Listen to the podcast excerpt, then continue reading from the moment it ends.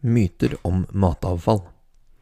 Det finnes dessverre flere myter som ofte brukes som unnskyldning for å ikke være med på miljødugnaden.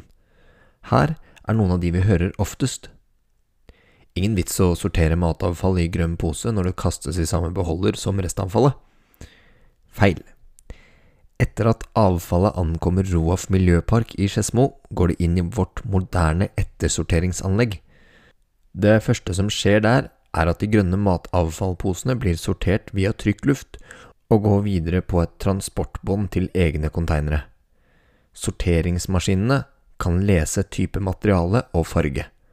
Deretter sendes de grønne posene til den magiske fabrikken i Vestfold for produksjon av biogass og biogjødsel. Ingen grunn til å kildesortere. Alt brennes likevel. Feil. Vi utnytter alle avfallstyper som kan materialgjenvinnes eller ombrukes. Alt fra matavfall til glass, metall, papir, elektronikk og tekstiler. Dette blir råmaterialer til produksjon av nye produkter. Det eneste som går til forbrenning og blir energi til fjernvarmenett, er restavfall. Det som ikke kan materialgjenvinnes og er igjen etter at alt annet er sortert. Roaf tjener penger på at folk kildesorterer. Feil. Inntektene vi får ved salg av kildesortert avfallsråstoff, går ikke i Roafs lomme. Vi drifter etter selvkostprinsippet og har ikke lov å tjene penger på husholdningsavfallet. Alle inntekter vi får, går tilbake til abonnentene ved at renovasjonsgebyret holdes nede. Vi er også en miljøbedrift og har et omfattende ansvar for å forvalte ressursene i avfallet på en forsvarlig måte. Derfor er kildesorteringsjobben våre innbyggere gjør, utrolig viktig, og noe vi har stort fokus på. Matavfall Feilsortering av matavfall er dårlig nytt for både miljøet og lommeboken. Når det er sagt, så hender det jo at noe må kastes. Husk da alltid å bruke den grønne posen og skille maten fra emballasjen. Matavfall skal i grønn pose, og plastemballasje skal i restavfallet. Halvparten av maten vi kaster, både i restavfallet og grønn pose, er rent matsløseri. Dessverre er det slik at en gjennomsnittsfamilie på Nedre Romerike i snitt kaster spiselig mat for ca. 37 000 kroner i året. Det er over 3000 kroner i måneden rett i søpla. Ikke bare er det veldig mye penger, men det er også helt unødvendig. Hvis vi blir flinkere til å planlegge innkjøpene, og litt flinkere til å bruke det vi har i kjøleskapet før vi kjøper mer, er det ikke vanskelig å redusere både pengebruken og matsløseriet. Bedre planlegging er godt nytt for både lommeboken og miljøet. Men noe matavfall og matsvinn blir det selvfølgelig uansett. Da er det veldig viktig at du kaster det i de grønne matavfallsposene og ikke i restavfallet. I dag havner store mengder matavfall i restavfallposen. Hele 57% av matavfallet, for å være nøyaktig. Det betyr at kun 43% av matavfallet havner i de grønne posene. Dette er urovekkende tall, og vi er nødt til å gjøre grep. Alle som en. Noen har fortsatt ikke kommet i gang med matavfallssorteringen, og bruker ikke grønne poser i det hele tatt. Mange bruker grønne poser til matavfall, men kaster også masse mat i restavfallet. Det kan være pålegg som ligger i pakningen, en agurkbit i plast, matrester vi ikke fikk spist opp, eller mat som rett og slett har gått ut på dato fordi vi ikke rakk å spise det. Dette skal i grønn pose. Skrell og skrotter eggeskall, nøtteskall og rekeskall, teposer, kaffegrut med filter, bein av kjøtt og fisk, steiner fra avokado, fersken og lignende, tilgriset husholdningspapir og servietter og andre matrester. Ikke overfyll posene, og husk å knytte dobbeltknute på posen. Dette skal i restavfallet. Plastemballasje, blomster, bleier, q-tips, kattesand og støvsugerposer. Lag et godt sorteringssystem. Det er på kjøkkenet det store kildesorteringsslaget står. Har du gode systemer og løsninger her, går sorteringen nesten av seg selv. Undersøkelser viser at kun 45% av det som kastes i restavfallet, faktisk er restavfall. Det betyr at 55% av innholdet i restavfallposen burde vært sortert ut. Det som ofte feilaktig kastes i restavfallet, er matavfall, papir og glass- og metallemballasje. Når disse avfallstypene kastes i restavfallet, er det sløsing med verdifulle ressurser, noe som burde blitt til råvarer til bruk i nye produkter. Riktig sortering bidrar til at vi henter ut mindre materiale fra naturen for å produsere nye varer. Et godt kildesorteringssystem der avfallet oppstår, er derfor essensielt for å få flere avfallstyper ut av restavfallet og dit det hører hjemme. Da er du faktisk med på å redde verden. Bitte litt. I tillegg bør man ha et system for oppsamling av klær og tekstiler, småelektronikk som lamper, elektriske tannbørster, mobiltelefoner og alt annet som går på strøm eller batteri. Farlig avfall som batterier, lyspærer, hårspray, lakk, lim, malingsrester og lignende skal leveres til gjenvinningsstasjonen eller butikker som selger slike typer varer. Det er også lurt å ha et system for å samle opp bokser og flasker som kan pantes. Plassmangel er for mange en utfordring, og en av grunnene til at mange ikke har gode nok løsninger for riktig kildesortering. Men det trenger verken å ta mye plass eller se stygt ut å ha et godt system til de ulike avfallstypene. Det handler om å se muligheter, være kreativ og velge løsninger som passer deg, din stil og dine rutiner. Se etter dekorative bokser, kurver eller andre typer beholdere som passer ditt kjøkken.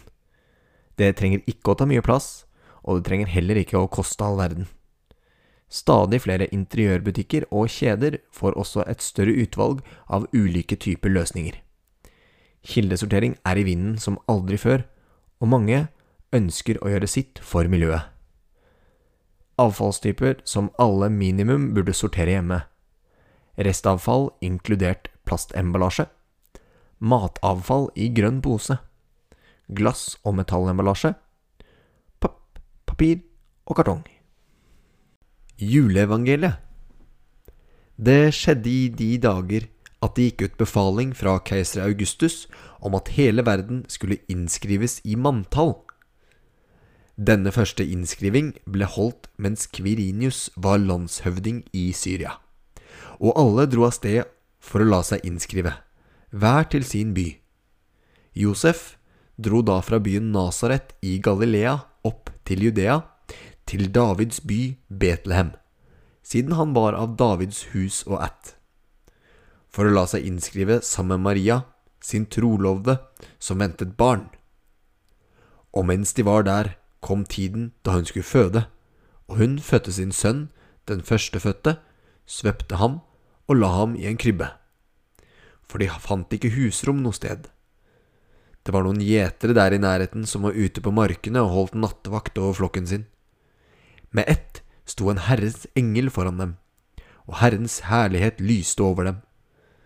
De ble overveldet av redsel, men engelen sa til dem, Frykt ikke, se, jeg forkynner dere en stor glede, en glede for hele folket.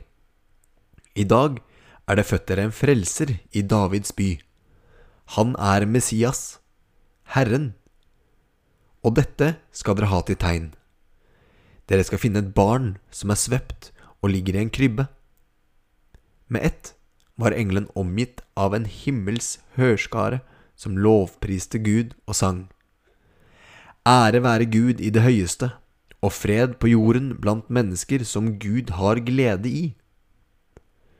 Da engelen hadde forlatt dem og vendt tilbake til himmelen, sa gjeterne til hverandre. La oss gå inn til Betlehem og se dette som har hendt, og som Herren har kunngjort for oss. Og de skyndte seg av sted, og fant Maria og Josef og det lille barnet som lå i krybben. Da de fikk se ham, fortalte de alt som var blitt sagt til dem om dette barnet. Alle som hørte på, undret seg over det gjeterne fortalte. Men Maria tok vare på alt som ble sagt, og grunnet på det i sitt hjerte. Gjeterne dro tilbake De lovet og priste Gud for alt de hadde hørt og sett. Alt var slik det var sagt dem. A Christmas Carol Ebenezer Scrooge is a greedy old man. He dislikes happiness, family, love, and above all, Christmas. He is rich, but does not like to spend any money or give it to anybody else. It's nearly Christmas, and Ebenezer Scrooge is counting his money. It is as freezing inside as it is outside, but still he refuses to spend money on coal for the fire. The ghost of his old business partner comes to visit. He was just as selfish and greedy as Scrooge is. Now he wants Scrooge to change. Three spirits are on their way to visit him. The ghost of Christmas past visits Scrooge the next night. He takes Scrooge on a journey into his childhood. He sees his family and friends again and his old love, Belle, who left him because of his greed for money. Scrooge feels sad and regretful. Julekort Til jul skal jeg sende ut julekort til mange jeg kjenner i landet vårt, til onkler og tanter og bestemor og alle som jeg fikk kort av i fjor. Jeg maler sjøl hvert grann. Med gledelig jul, hilsen Olemann. Jeg kjenner en dame på Hønefoss. Hun sender så mange presanger til oss, og hun skal få kort med en høne på, som er rød og gul, som er grønn og blå. Hei og hå på Hønefoss, gledelig jul ifra alle oss. Til bestemor helt oppe i Hammerfest, jeg lager et landskap med slede og hest, og folk oppi sleden og bjeller på, og tøvær og snøvær og fjeller blå. God jul til bestemor, med hilsen fra meg og lillebror. Så har jeg en onkel i Brekkestø. Til han må jeg lage et bilde med sjø. Jeg maler en nisse som fisker torsk, for onkel vil helst ha noe ekte norsk. Hilsen til onkel Johan, med gledelig jul fra Olemann. Til tante Johanne i Bergen by, jeg maler en nisse med rød paraply, og nissen har kjelke med juletre på, og det skal tante Johanne få. God jul fra alle mann, og hils til Amandus og Kallemann. Så sender jeg siste kortet jeg har, til Fjompen og Stumpen og Nissefar. Jeg maler på kortet en kjelke med ratt og en svart liten katt, også ditt, også datt. Alt som jeg ønske kan, med gledelig jul, hilsen Olemann. A Christmas Carol Part 2 The ghost of Christmas present comes to visit Scrooge in his bedroom. A journey around London shows how others are celebrating Christmas time. People are enjoying themselves at Christmas parties. He also sees poor but happy families making the most out of Christmas. Scrooge feels ashamed. The ghost of Christmas yet to come is the last spirit to visit. On a mysterious journey, Scrooge sees various people talking about a certain man who has died. He finds it strange that no one is sad. In fact, some people are positively happy. To his horror, Scrooge sees his own name on the grave. On Christmas Day, Scrooge walks with a rush of happiness. He is so grateful that he has been given a second chance and promises he will do everything he can to honor Christmas with all his heart and stop his greedy, miserable ways. Lucia Lucia ble en veldig populær helgen tidlig i kristendommens historie. Allerede på 400-tallet var dyrkingen av henne utbredt. Navnet Lucia kommer av lux, som er det latinske ordet for lys. I Norge feirer vi Lucia på Lucia-dagen den 13. desember. Lucia kom fra en rik familie. Da moren hennes ble syk, ba Lucia for henne, og moren ble frisk. Lucia var da forlovet med en mann, men hun brøt forlovelsen og bestemte seg for å bli nonne. Hun ville gi all rikdommen hun skulle arve, til de fattige. Fra nå av vil jeg bare leve for andre, sa hun. Hvorfor Lucia bærer lys på hodet Lucia levde på den tiden da det var grusomme forfølgelser av de kristne. For å redde livet rømte mange og gjemte seg i katakombene som lå litt utenfor byen. Det var et nettverk av lange og trange hulganger dypt under jorden, der de kristne gravla sine døde. Lucia ville hjelpe de stakkars flyktningene som måtte holde seg i skjul. Da kom hennes praktiske evner godt med. For å få med seg mest mulig av mat og drikke måtte hun ha begge hendene fri. Derfor flettet hun en ring til å ha på hodet, og til ringen festet hun solide lysholdere. Slik slapp hun å holde lys i hendene når hun strevde seg frem langt under jorden. Hver natt snek Lucia seg rundt i de trange, kalde, bekmørke gangene. Hvis hun ble oppdaget, ville hun selv bli drept. Men når hun tenkte på flyktningene, som kunne sulte i hjel uten hennes hjelp, fikk hun mot til å gå de nattlige turene sine. Det antas at Lucia ble drept på grunn av at de kristne ble forfulgt på den tiden hun levde.